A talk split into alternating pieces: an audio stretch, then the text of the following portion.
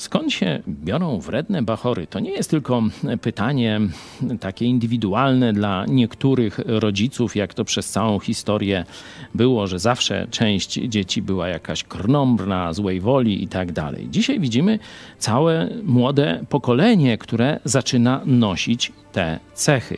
Kilka dni temu, mówiąc o doktoracie honoris causa dla Grety Thunberg, poruszałem ten problem szerzej, że w Biblii, to jest drugi e, list apostoła Pawła do Tymoteusza, trzeci rozdział, właśnie te dzieci rodzicom nieposłuszne, czyli zerwanie ciągłości pokoleń, to jeden ze znaków czasów ostatecznych. Tak, to prawda. Ale pod tym jedna z naszych słuchaczek dała bardzo ciekawy komentarz.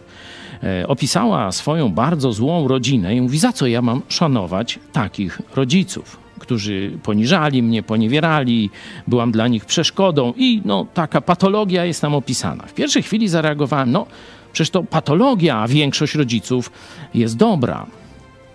Ale potem zacząłem się zastanawiać i zobaczcie ten opis z Tymoteusza. Ludzie bowiem będą samolubni, Chciwi, chełpliwi, pyszni, bluźnierczy, rodzicom nieposłuszni, niewdzięczni, bez Boga, bez serca, nieprzejednani, przewrotni, niepowściągliwi, okrutni, niemiłujący tego, co dobre, zdradzieccy, zuchwali, nadęci, miłujący więcej rozkosze niż Boga, którzy przybierają pozór pobożności, podczas gdy życie ich jest zaprzeczeniem jej mocy.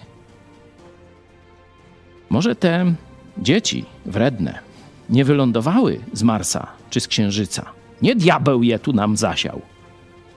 Ale może to pokolenie rodziców odeszło od Boga, od prawdy, od miłości i to nasze pokolenie wychowało teraz to pokolenie zbuntowane.